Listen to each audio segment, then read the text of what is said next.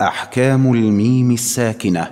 والميم إن تسكن تجي قبل الهجاء لا ألف لينة لذي الحجاء. أحكامها ثلاثة لمن ضبط. إخفاء إدغام وإظهار فقط. فالأول الإخفاء عند الباء وسمه الشفوي للقراء. والثاني إدغام بمثلها أتى وسم إدغاما صغيرا يا فتى والثالث الإظهار في البقية من أحرف وسمها شفوية واحذر لدى واو وفاء تختفي لقربها والاتحاد فاعرفي